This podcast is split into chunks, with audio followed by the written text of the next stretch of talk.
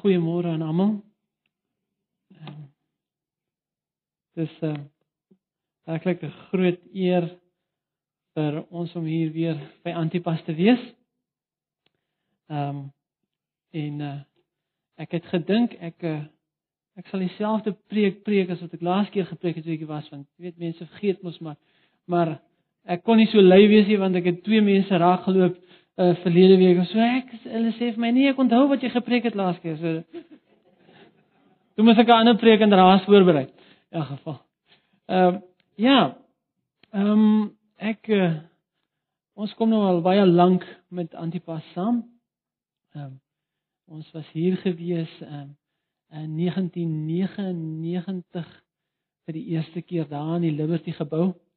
Ehm um, dis maar altyd 'n goeie ding om so terug te kyk, nê. Nee. Ehm um, en dis wat die Here ook maar doen vir Israel. En hy sê ek is die Here jou God wat jou uit Egipte land uitgelei het. So, dit is 'n goeie ding om so terug te kyk na die geskiedenis so 'n bietjie en sien wat die Here al gedoen het oor oor oor oor die jare. En so ons het 'n 'n baie groot sagte plek vir Antipas en uh, wat die Here uh, deur Antipas gedoen het in ons lewe en ook hier in Pretoria. Ehm um, ja, so ek weet nie dit ek sien aan die bord daaronder ja dat daar so daar's so dis 'n goeie ehm um, representasie van wat ons um doen. Um maar gewoonlik, jy weet, het ons altyd 'n video gehad en hierdie keer het ons besluit om nie 'n video te doen nie. Want um um ons vind dat daar so baie inligting op van hierdie video's, as dit net 5 minute is, alselfs as dit praat ons so baie daarop en mense kry daarom so um uh uh jy weet 'n oogblik van wat ons doen en so aan. Uh, maar hierdie keer het ons besluit ons ons so 'n bietjie anders doen en uh, ook my miskien vir vir julle laat vra vra. So ek gaan so 'n bietjie van ons die agtergrond van ons bediening um, beskryf en dan um, gaan ek ook 'n geleentheid gee vir mense as wat julle wil vra vra.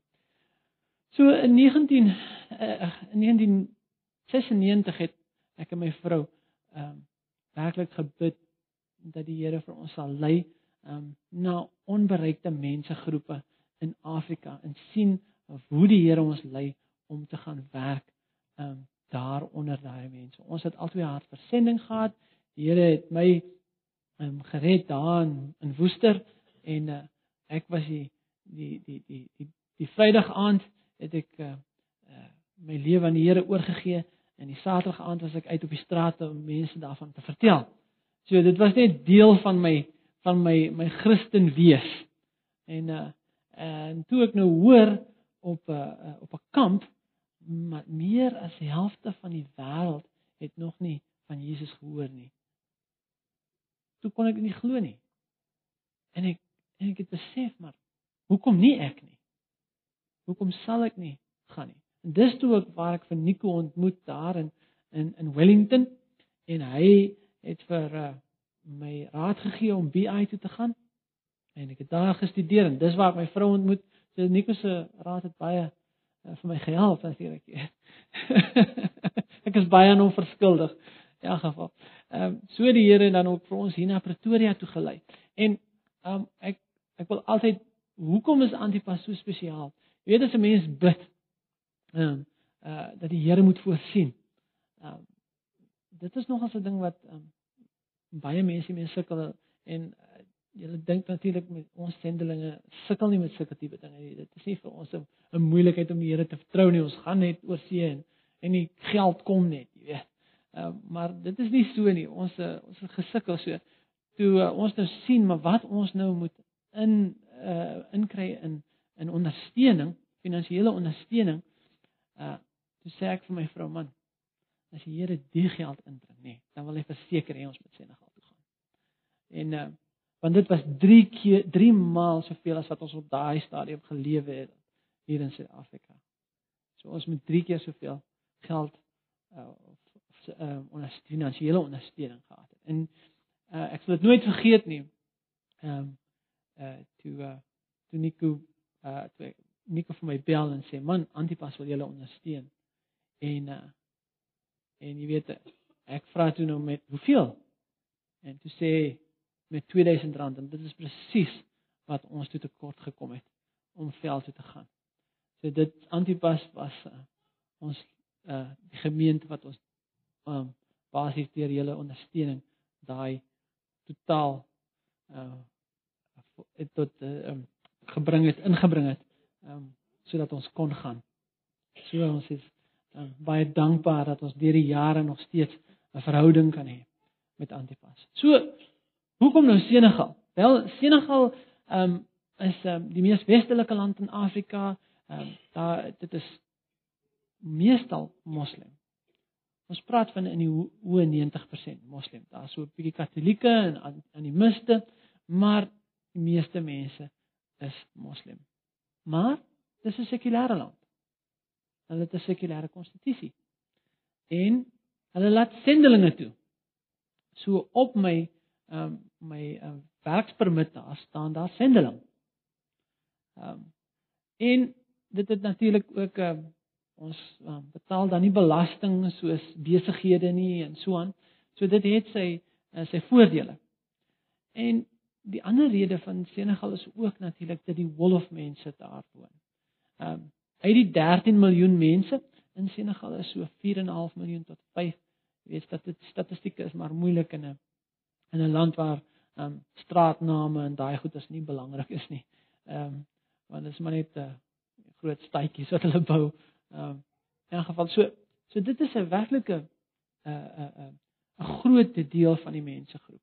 Maar die wolf is so prominent en so ehm um, hulle ehm um, is so sterk. Wolf is die handelstaal. Wolf is die godsdienstige taal. En die mense word gedurig deur ehm um, gewolfiseer.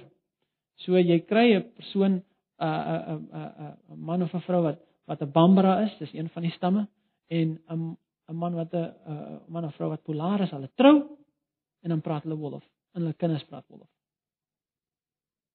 En dan vergeet die kinders hulle moedertaal en hulle vaderstaal en dan word hulle so Wolof.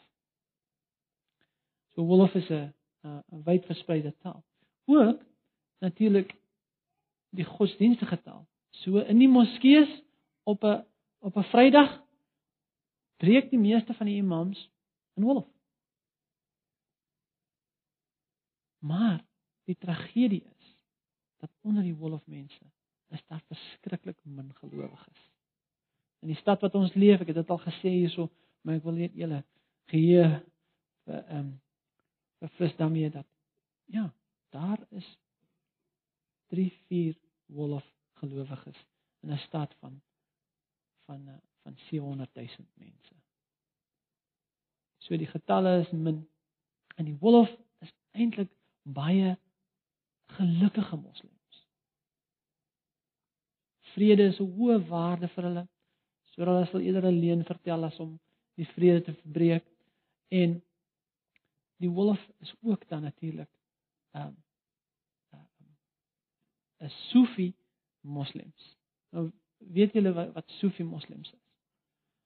OK, so hier in in Suid-Afrika, die die Maleisiese slawe het Sufi um, Islam ingebring. En op sy heuwel is daar 'n Sufi graf van 'n Sirin of van 'n een van hulle leraars. En uh, en so deur die Skiereiland is daar 'n hele paar grafte wat prominente prominente plekke is. So Sufisme is nie so ver van Suid-Afrika af soos ons dink nie. Maar ja, Sufisme is 'n 'n geestelike vorm van van Islam. Hulle die Sufis het ehm het 'n bietjie moeg geword van hierdie wettigheid en toe het hulle begin maar nee, maar daar's meer om die lewe as net wette en hulle het die geestelike waar hulle en dan ehm um, soek 'n ehm uh, uh, ek mantra sing en aan mekaar dit sing en dan gaan hulle in 'n trance in en dan ehm um, word hulle natuurlik so deur God bereik en dit voel dat hulle nader voel aan God in hulle in hulle verstaan. En dan is daar ook natuurlik die tradisionele Afrika godsdiens wat hulle ook nog het daarso. So hulle het hierdie toordokters wat nog op die kante is en hulle is on, onder hierdie uh uh uh, uh net onder 'n moslem vernis basies wat hulle 'n moslem land genoem word. Maar as 'n ou van Saudi-Arabië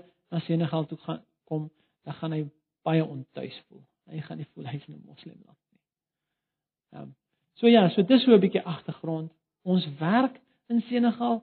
Ehm um, ek is die direkteur van van Sim Senegal. Ons het drie spanne, een in die hoofstad Dakar, een in die in die stad van Chess en dan is daar in die ehm um, in in die dorp van Kafrin is daar nog 'n span. En uh, ons doen verskeie dinge. So ek gaan net 'n paar van die goeders wat ons doen as 'n span uh uh vir vir julle uh met julle deel en dan kan julle later vra vra. Ons het ehm um, twee Engelse skole uh wat ons op die universiteit in Dakar het op die kampus daarso en ehm um, Max doen my vrou sy is 'n Engelse onderwyseres op die universiteit in Chess op twee kampusse of in in die stad um, waar studente van die universiteit kom en dan is daar so buitekant buitekant die stad is daar 'n uh, 'n landbou college wat sy ook saam met hulle uh, vir hulle Engels leer. En so sy het so om en by 70 studente uh, wat sy mee werk en haar um in die in die in die Engelse sentrum in Dakar. Hulle wil natuurlik met die studente um uh, vir hulle goeie Engels laat laat leer want dat hulle kan teksboeke verstaan wat het wat wat nie vertaal is nie, ehm um, dat hulle ook van hulle ehm um, uh, hulle kan um, sekere um, werke kry omdat hulle kan Engels verstaan. Ehm um, en ja, so voorsien die Here nou vir ons dan ook ehm um, geleenthede om met hierdie studente oor hulle wêreldsbeskouing te praat as moslems. Uh, en dan deur vrae te vra en nie daardie wêreldsbeskouing so 'n bietjie te skud. En dan gee ons hulle geleentheid op Paasfees of met Kersfees om hulle na ons huis uit te nooi en dan die evangelie so met hulle te deel vir vir die van hulle wat geïnteresseerd is. En dit is maar in basies wat Max doen en ehm um, Sim Senegal, ons het ook 'n sportbediening waar ons mense in die kerke oplei. Want daar is kerke in Senegal, daar's net nie wolf mense in die kerke nie. Wat mense nou in die kerke oplei, ehm um, as dan natuurlik mense wat ehm um, uh, dit in hulle in hulle vrye tyd doen om uh, uh dan 'n afrigter te word van 'n sokkerspan of 'n basketbalspan of so iets. Um en hulle gaan dan natuurlik um ook die evangelie deel met hierdie kinders. En so het die Here al uh, verskeie kinders bereik um deur hierdie bediening. Ons doen ook dan transliterasie van die um van die skrif. Ons het die Nuwe Testament is volledig en ons het um ook die Ou Testament um in dele en sim ons verantwoordelikheid is om hierdie skrifgedeeltes wat ons het dan in wolofel oor te skakel. En wat is wolofel? Wolofel is wolof wat met die Arabiese letters geskryf word. En so jy lees van agter af vorentoe vir ons en jy lees van regs na links. Ehm um, en ehm um, en so uh, hoop ons dat ons kan die woord in hande van mense kry wat dit kan lees. Want in party van die stytjies is as is is dit 'n hoë literêre syfer van omtrent 75% van die mans kan dit lees. So ons kan die woorde in hulle hand sit en hulle kan dit vir hulle self lees. So dit is ook 'n projek wat ons besig is mee. Dan het ons mediese bediening en uh, en administrasie, ehm um, bediening in die tronke en ook 'n uh, ja, bediening in dan die kerk, verskeie kerke wat ons na toe gaan. Okay. Our Lord and Heavenly Father, we are so thankful that you are the God of heaven and earth. You're the one who gives life, life eternal. You're the one who comes. You give us your word. You, you open our hearts and minds so that we are transformed by it by the power of your Spirit. We are so thankful that we can depend on you. Now, as we come to your word, would you be um, with us? Would you, by your Spirit, come and minister in us and to us, and uh, that we would go and from here and be transformed, that we won't walk out here the same people that we were when we walked in. We ask this in your precious name, Jesus. Amen. So you can turn in your Bibles to Luke chapter 14 from verse 1. We're going to read until verse 24. One Sabbath, when he went to dine at the house of the Pharisees, they were watching him carefully. And behold, there was a man before him who had dropsy. And Jesus responded to the lawyers and the Pharisees, saying, Is it lawful to heal on the Sabbath or not? But they remained silent. Then he took him and healed him and sent him away. And he said to them, Which of you, having a son or an ox that has fallen into a well on the Sabbath day, will not immediately pull him out? And they could not reply to these things. Now, he told a parable to those who were invited when he noticed how they chose the places of honor, saying to them, When you are invited by someone to a wedding feast, do not sit down in a place of honor, lest someone more distinguished than you uh, be invited by him, and he would invite you both, and uh, you both will come and say to you, Give your place to this person. And when you will begin with this, and, and when you will begin with the shame, and then you will begin with the shame to take the lowest place. But when you are invited, go and sit in the lowest place. And when your host comes, he may say to you, Friend, move up higher. And then you will be honored in the presence of all who sit at the, at the table with you. For everyone who exalts himself will be humbled, and he who humbles himself will be exalted. He said also to the man who invited him, When you give a dinner or a banquet, do not invite your friends or your brothers or, or your relatives or rich neighbors, lest they also invite you in return and you be repaid. But when you give a feast, invite the poor, crippled, the lame, the blind, and you will be blessed because they cannot repay you. For you will be repaid at the resurrection of the just. When one of those who reclined at the table with him heard these things, he said to him, Blessed is everyone who will eat bread in the kingdom of God. But he said to him, A man once gave a great banquet and invited many. And at the time of the banquet, he went to his, to his servant and said, uh, to say to those who had been invited, Come, for everything is now ready. But they all alike began to make excuses. The first said to him, I have bought a field and must go out to see it. Please give me an excuse. Please have me excused. And another said, I have bought five yoke of oxen, and I go to examine them. Please have me excused. And another said, I have married a wife, and therefore I cannot come. So the servant came and reported these things to his master. Then the master of the house became angry and said to his servant, Go out quickly to the streets and the lanes of the city and bring in the poor and the crippled and the blind and the lame. And the servant said, Sir, what you commanded has been done, and still there is room. And the master said to the servant, Go out to the highways and the hedges and compel people to come, that my house may be filled.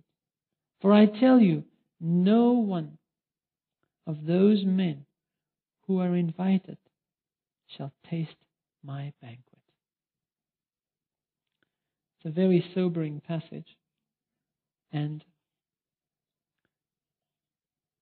when we read these things um, together, it is important to look at the cultural background, look at um, the context, um, to understand these things better. You know, parables are in themselves have been made a lot of different things. I remember uh, at Bible school once being told that someone uh, told um, uh, made a sermon and uh, the, the, uh, they, uh, it was about the Good Samaritan, the Good Samaritan, and they, they they they started talking about the donkey that he took the guy on to put a guy on, and he said this one leg is for the stands for this, and the other leg is for this, and they just invent stuff um, like that. Um, and then you can make a parable pretty much say anything you like it. You can pick your message and just implant it into the parable. So that's not our goal this morning. Our goal is to work together. Um, I'm going to ask some questions, and you're going to see from the scriptures that are on your laps, hopefully, um, or in your phones, or um, so on, of what um, the Lord is saying to us. So we'll work together and try and understand. This method is what we use um, to disciple um, these young men that we've worked with. Um, it's called inductive um, Bible study or a method, and it really is something that to help people that come from a Muslim background that, or for that matter, many Christian backgrounds, even at the time of the Reformation, they can't think that they can read the scriptures for themselves. And this is a problem that we had at the Reformation time. This is a problem that we have with Muslim background believers too.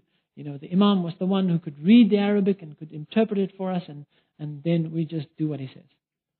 Um, but we want to try and equip these youngsters and these um, these believers that they would be able to read the word and apply it into their lives. So maybe uh, this morning we can all work together uh, by God's grace and by the Spirit that gives each one of us insight, um, and we can work together to try and understand these parables better and apply it into our lives.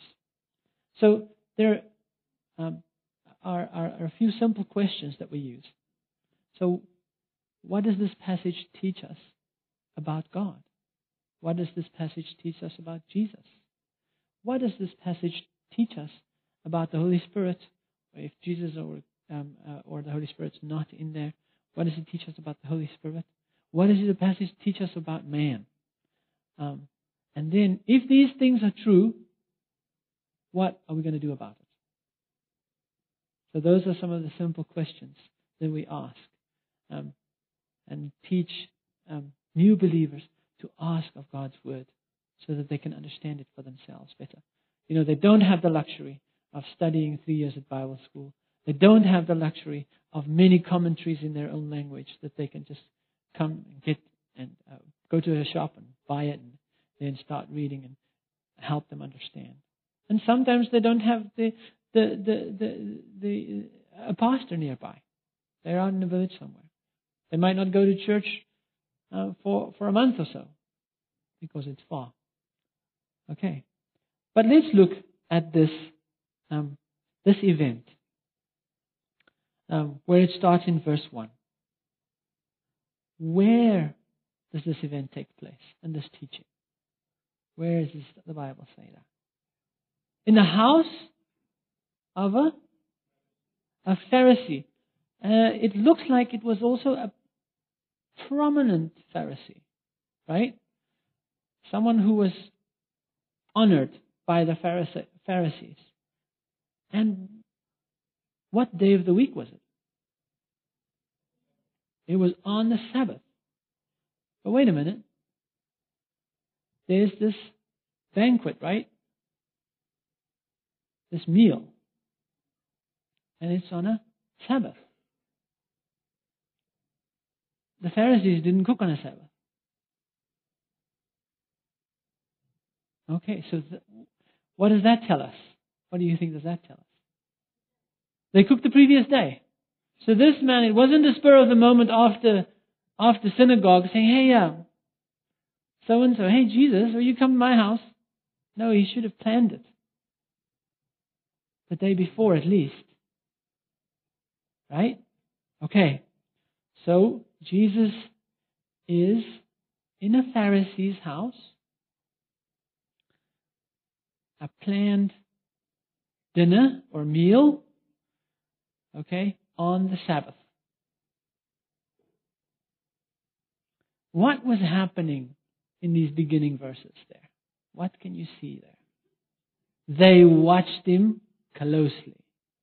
He wasn't in a very user friendly environment, to use a modern term, right? It wasn't a very friendly environment. They were out there watching him. Why were they watching him? Do you think? Did they like him? No. Because of what's happening, what's coming along. What's happening here? There was a man with dropsy. Does anybody know what's dropsy? Edema in English, edema in English, water retention. Some of you have had it before in your lives. When your legs swell up big like this. Some women get it during pregnancy. Um, you can get this water retention edema around your heart, and that can be rather serious and fatal. So this man had edema, edema, and he was obviously evidently swollen. And they were watching. What's he going to do? Remember, they don't want Jesus to be doing these things, right? They are threatened. So they need to have a case against them. And then Jesus, he asked them, Is it lawful to heal on the Sabbath or not? Is it lawful to heal on the Sabbath or not? Jesus is speaking. This is a this is not a very hospitable environment. He's being watched. They probably planted this guy there. Why do I say that? Because Jesus responded to the lawyers and the Pharisees. What does Afrikaans say? Jesus het reageer. So there was an action. Uh, they were watching him. There was this person. What's he going to do? Maybe they invited him. Maybe he was just there. We don't know. I like to think they were so underhanded they probably planted this guy there in order to see what Jesus would do. And then Jesus says, Is it lawful to heal on the Sabbath or not? And now, these learned men, these lawyers, and these Pharisees are quiet. Silent. They don't want to answer this question. Why do you think? They don't want to commit themselves. Yes. If they say, yes, it is, then all their other comments means nothing. If they say no, then they would run into trouble because then they would say it's wrong to be merciful. And that will make them look bad as well. So they were caught out by this question.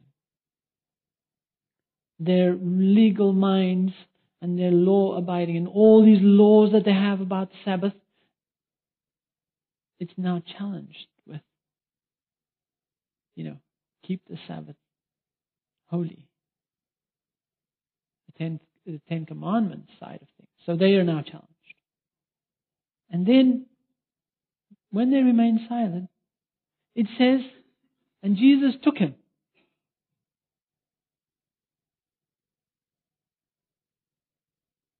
And healed him. And sent him away. Very interesting. So remember, a guy who's got thick swollen legs Maybe Sarki can tell you what he's got to drink. Waterpilla, I think they call it, eh? to get rid of this. But in an instant, no more edema, no more swelling.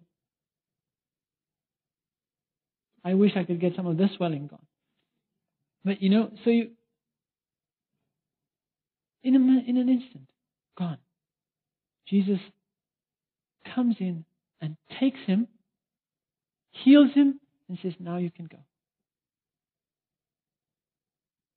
And then he goes again speaking to these Pharisees. And he says, Which of you, having a son or an ox that has fallen into the well on a Sabbath day, will not immediately pull him out? So now he makes it personal. First, he addressed the falseness of their law. And about showing mercy on the Sabbath. And then he makes it personal. If it was your son or your ox in a well on a Sabbath day, would you do nothing?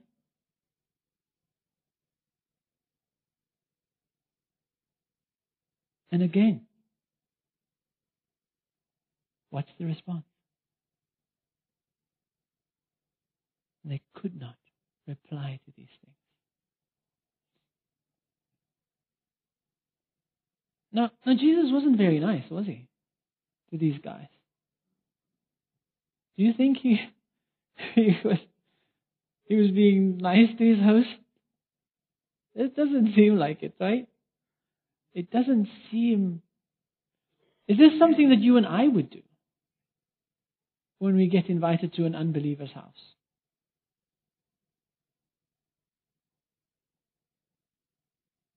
now you might get kicked out, right? And it doesn't seem like Jesus was afraid of this. He just went for it because he wanted them to hear the truth and the falseness of their law. He wasn't necessarily pursuing a great relationship without speaking very clearly into their situation and about their sin.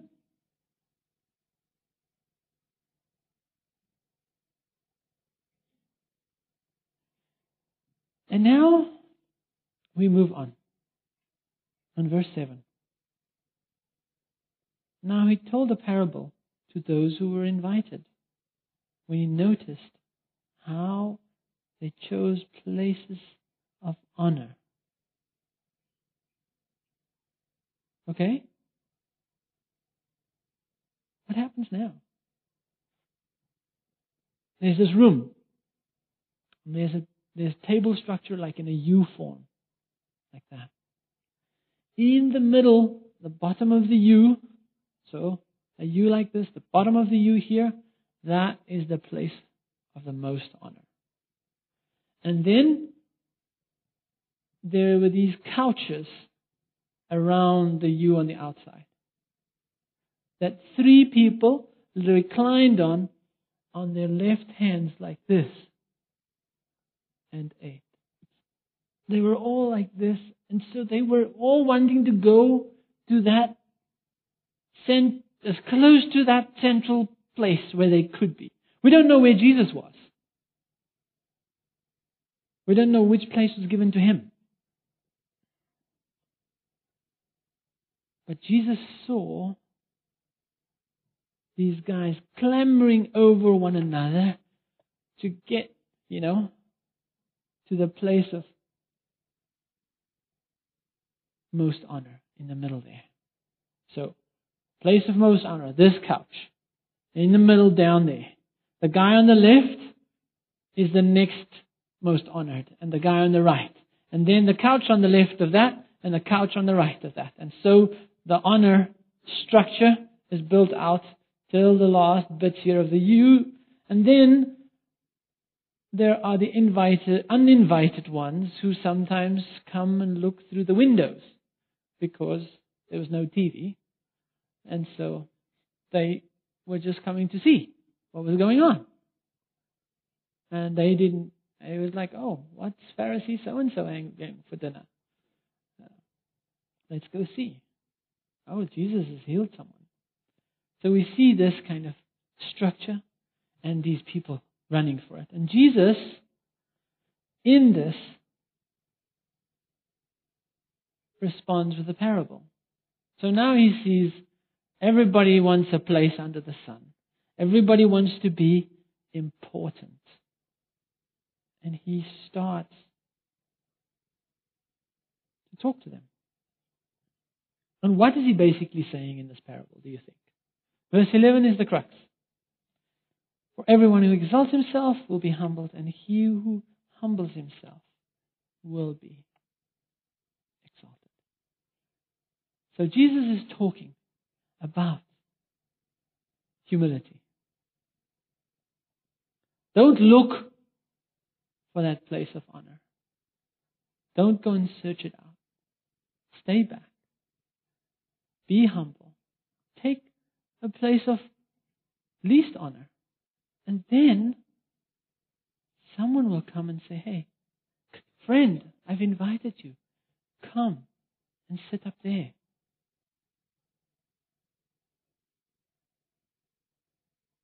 So humility is being taught by Jesus in this house of the haughty Pharisees and the lawyers, filled with lawyers and Pharisees, and everybody seems to be thinking more highly of themselves than they ought to.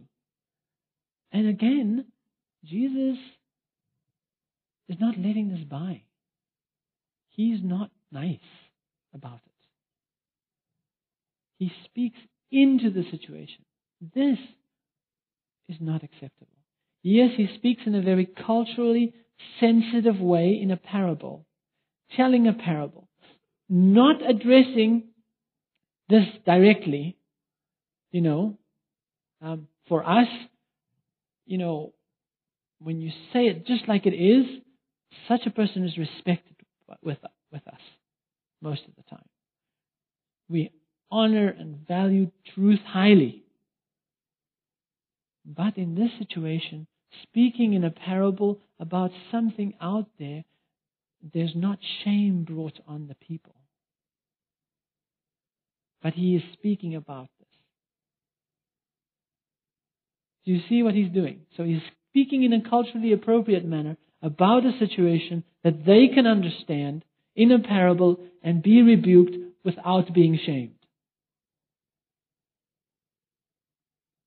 It's important to understand. So he is using the cultural norms, but he's still rebuking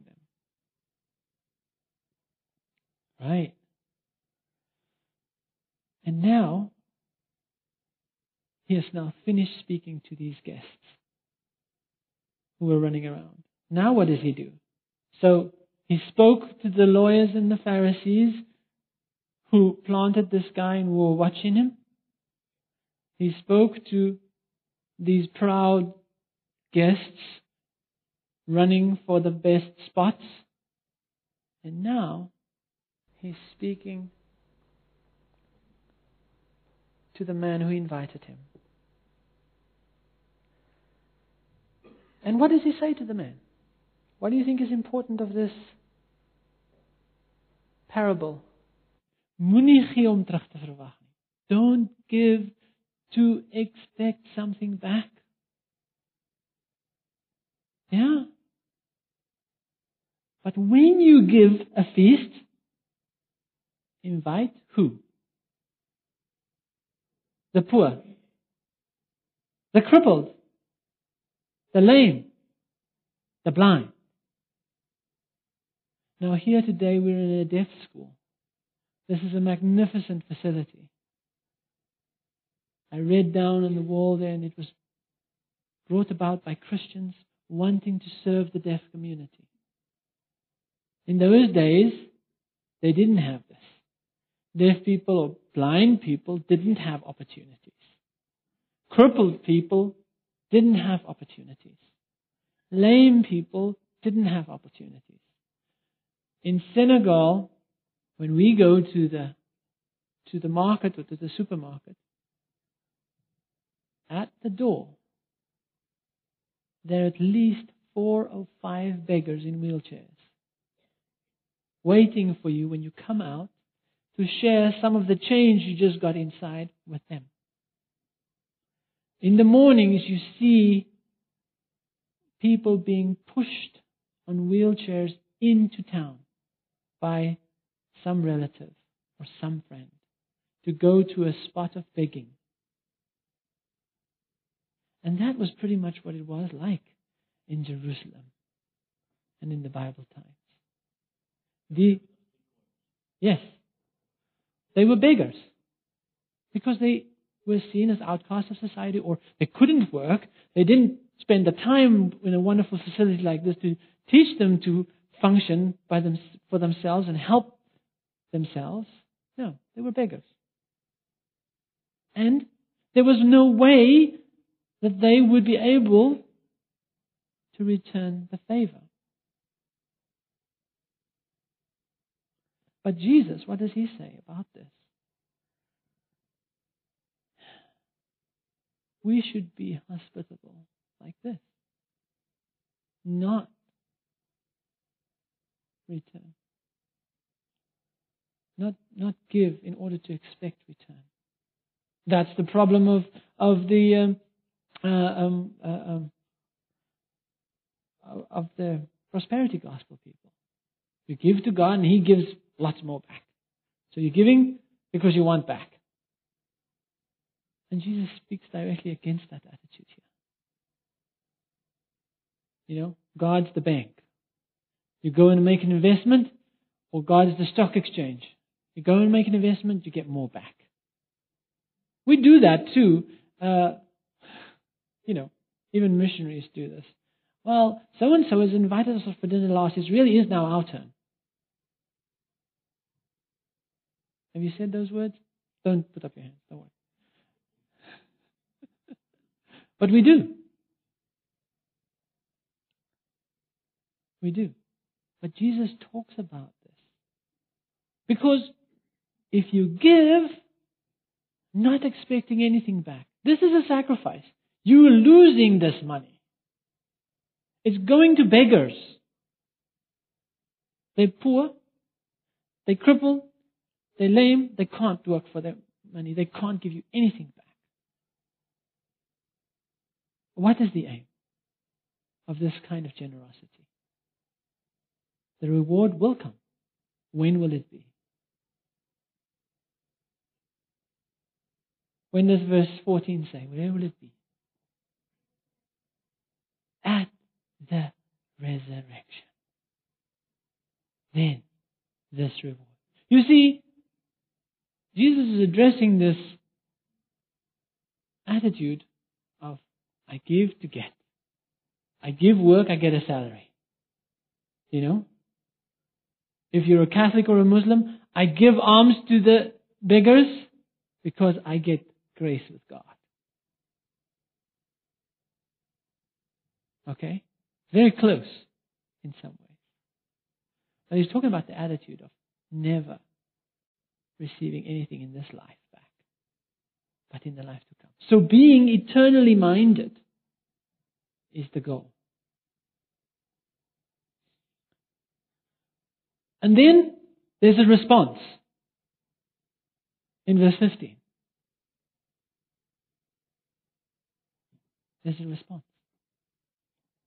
What happens there with this response? A man. He hears at the resurrection. You'll get a reward at the resurrection. And then, what does this man say? Blessed is the man who will eat bread in the kingdom of, of God. Okay, so he is really responding in that there's the resurrection, there's the kingdom of God. Ah, blessed is the man who will be there one day.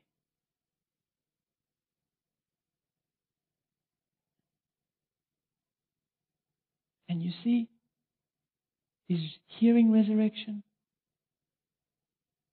in that parable to the host. He makes a connection. Do you think this man is sure of where he thinks he's going?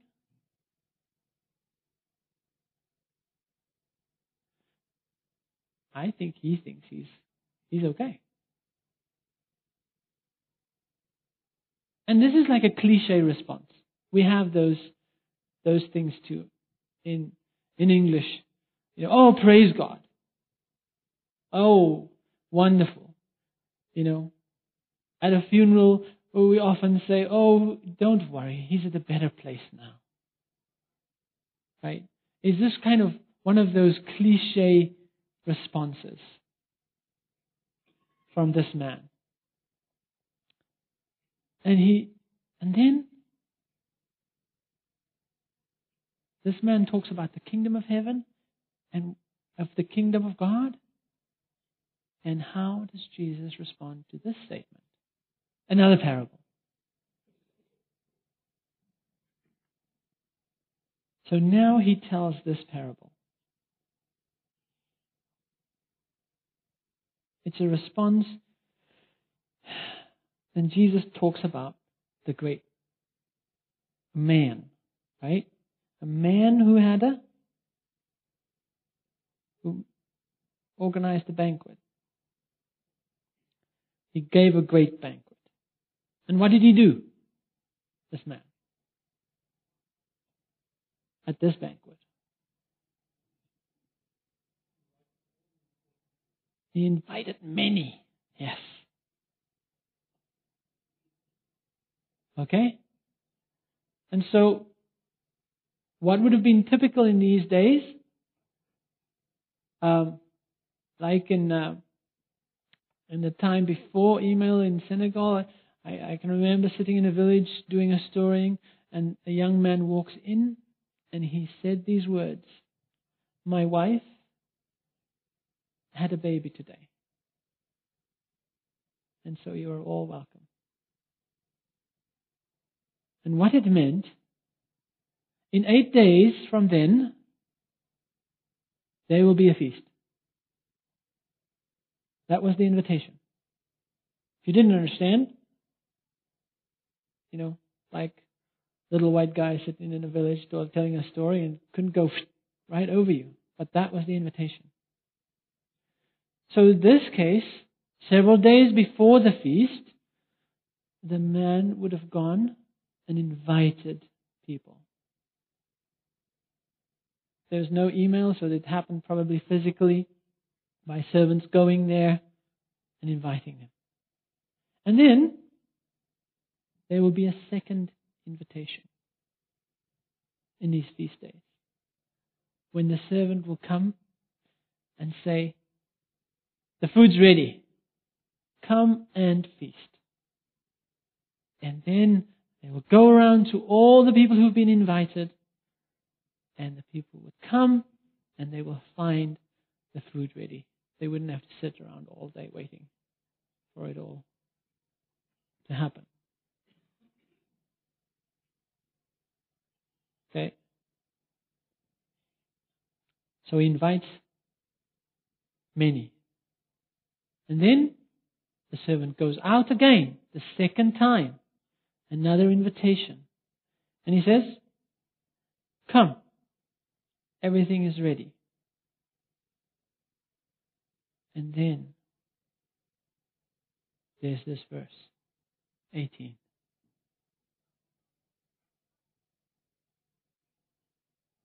What's happening in verse 18? But they all alike begin began to make excuses.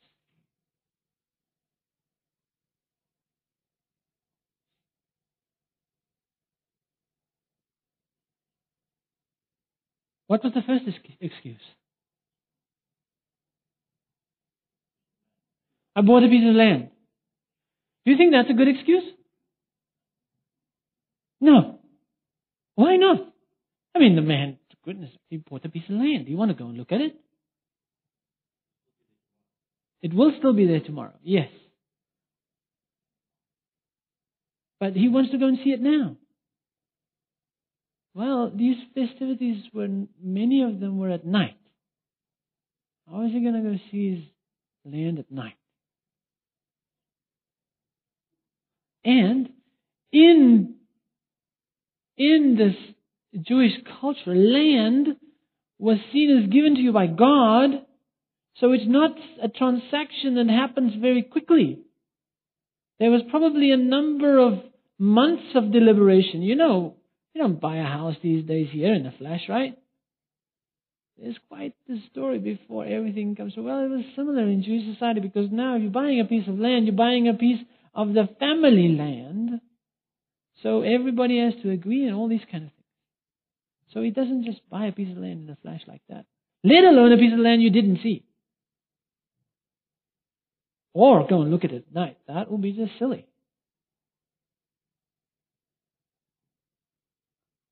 And what's the other, the next excuse?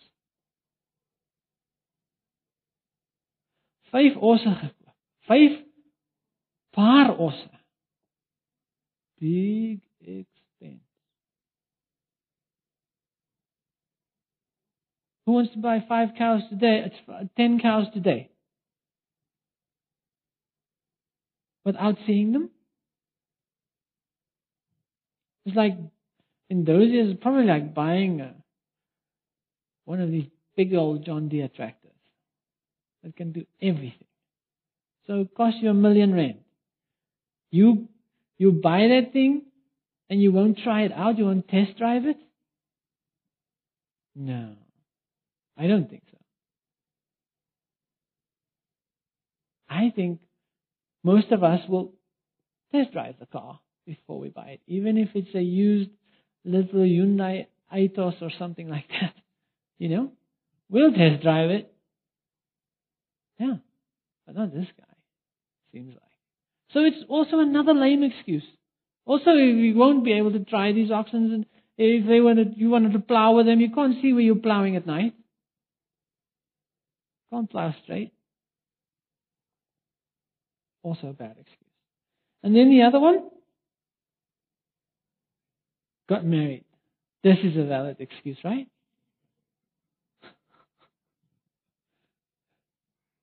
I got married. Do you think it's a valid excuse? No. Why not? Big preparation. Months of preparation. I've been over to the girl's family, asked, a long time ago when it would be.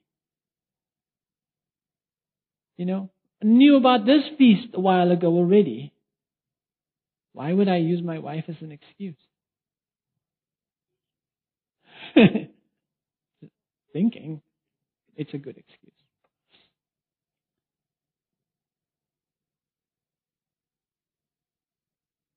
Please have me excused. Please have me excused. No, I don't want to come. No, I don't.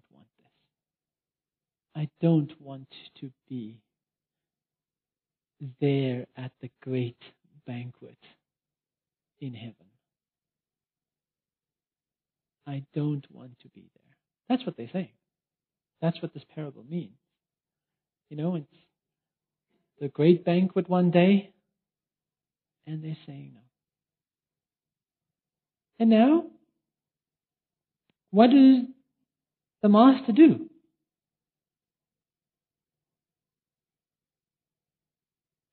What is his response to these lame excuses? He gets angry.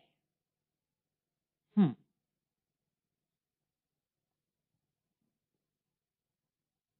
The man, the master of the feast, is angry with those he invited, with those he sent his servant to twice to tell them there's a great feast. We're going to have a party. We're going to have a big bride. And there'll be everything. And they say no thank you. And he is angered. And now what does he do?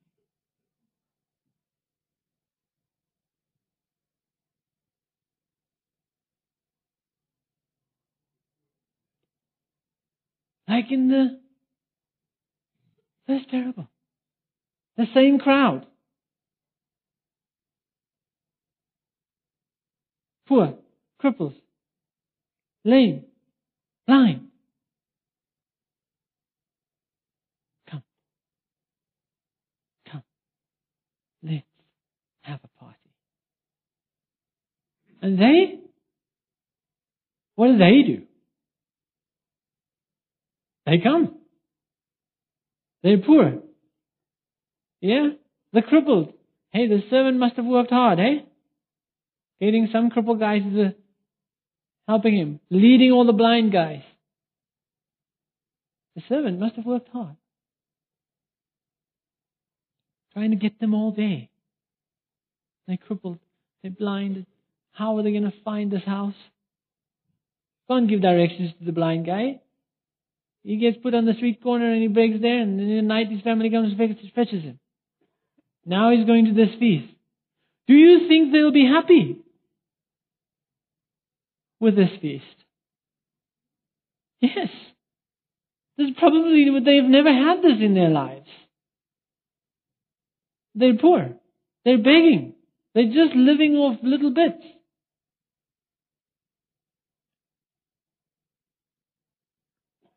And they're coming. And then there's more room. Don't worry, Jacobus, I'll finish now.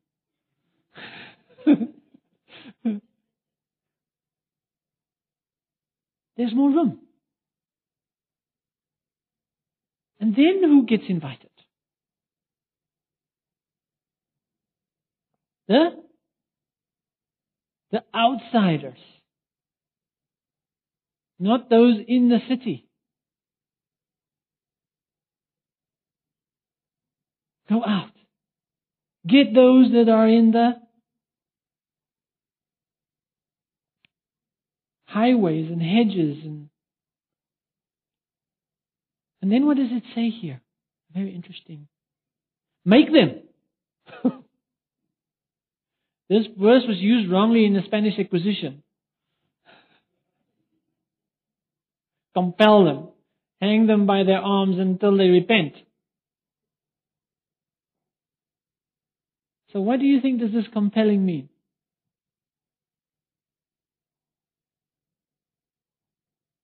Excuse me? Convince them. What does the Afrikaans say? Oorreed, oortuig. Yes. Why?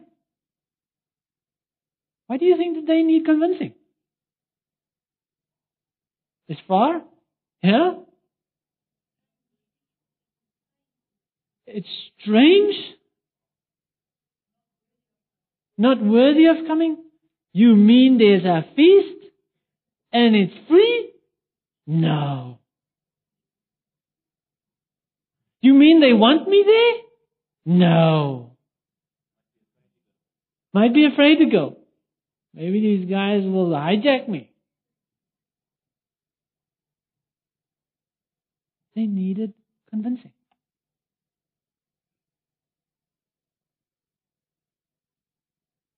Do you think that's the same today?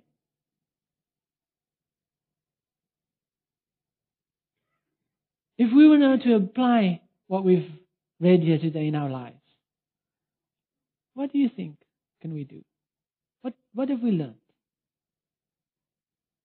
What is God saying to us through His Word?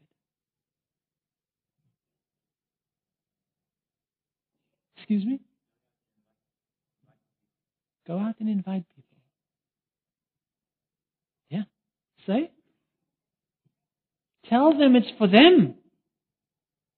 Where are we inviting them to? God's feast. A party that will never run out of food or wine. Sorry for the teetotaler.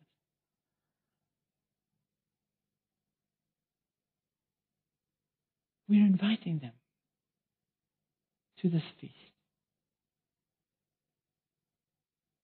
We're inviting them to come and be part of something great, glorious forever. Yes. What does Jesus' way of communicating with these people teach us? Hey? Yes, he uses his servants. That's right. And what else? At the banquet, on the Pharisee's house, was it? Were those his buddies around there? Did he make friends with them? Did it stop him from telling them how they should behave and live?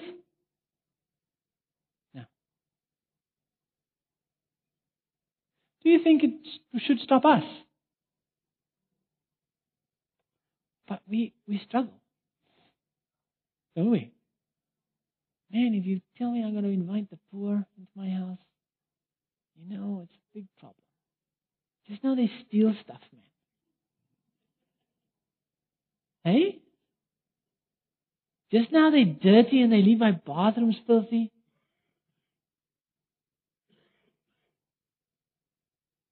Just now they eat ugly and mess the food everywhere. It's hard. Do you think it's a good thing? Do you think it's something we should think about doing? Although it's hard. It's hard to tell your non believing friends about the feast to come. It's hard for me. I know the Imam in our neighborhood. I sit and talk to him very often. He's a friend of mine. I know the guy who cries, who's, who does the call of prayer into the, in, in the mosque. He's a friend of mine. He's got one of my dogs. My dog had puppies and he's got one of them. He's a friend of mine. Have I shared with him? Hmm, no. I'm waiting for a better time. I'm waiting for maybe, ah, oh, you know, it's so difficult. Just now he doesn't like me anymore. Just now this mosque over here, these people over next door gets restless and threaten my life and my family. Do you think those things deter Jesus? Shouldn't we at least make some attempt to be like Jesus? However feeble. Do, do you think if we did speak out, if we were hospitable, if we were humble, if we invited people to the feast, that God would honor that? Do you really think so?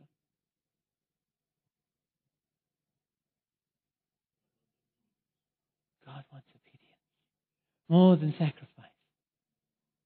Right? Yes. I think, I think we prayerfully should. And I'm not talking to you. I'm talking to my, my by my own struggles. I have the Imam and the Nodakat and these guys that I have to speak to. The difficulty is that boldness. But wasn't it Paul who asked for prayer for boldness?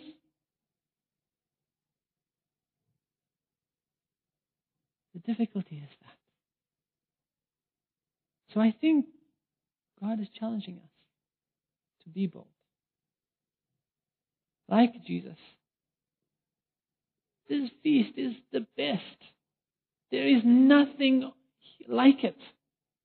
We have the best news. We have the Savior.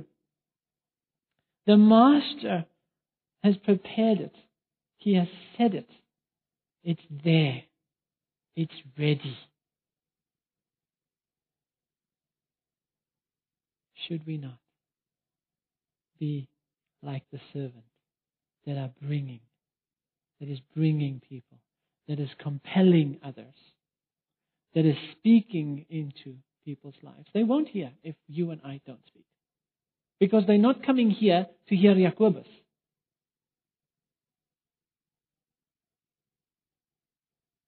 They will only come here if you and I invite them. And if we talk to. But the difficulty, I think, for me, is boldness. What other difficulties could there be?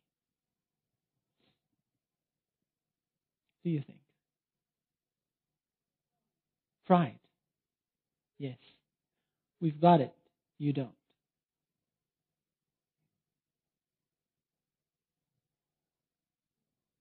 Fear. Yes. Fear. What if they don't like me? What if they fire me? Yes.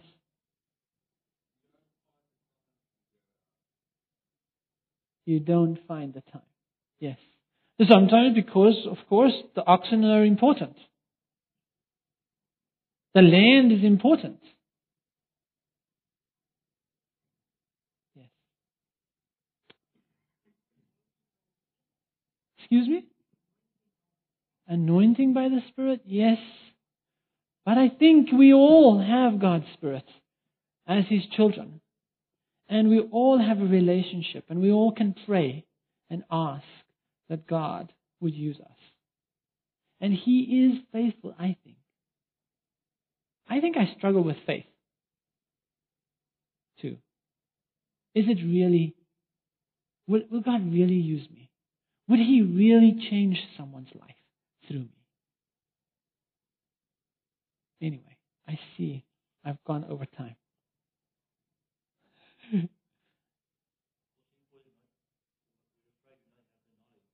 yes. Yes. We are afraid. So whose problem is that then? Right? We got to get it. Some of us have sat in church for years and years and years, go to Bible school for years and years, and we still don't think we've got enough. We have. We have the Lord Jesus. He can use us. Be encouraged. Be bold. Be willing. Be like the servant. Be bringing, be compelling. Amen.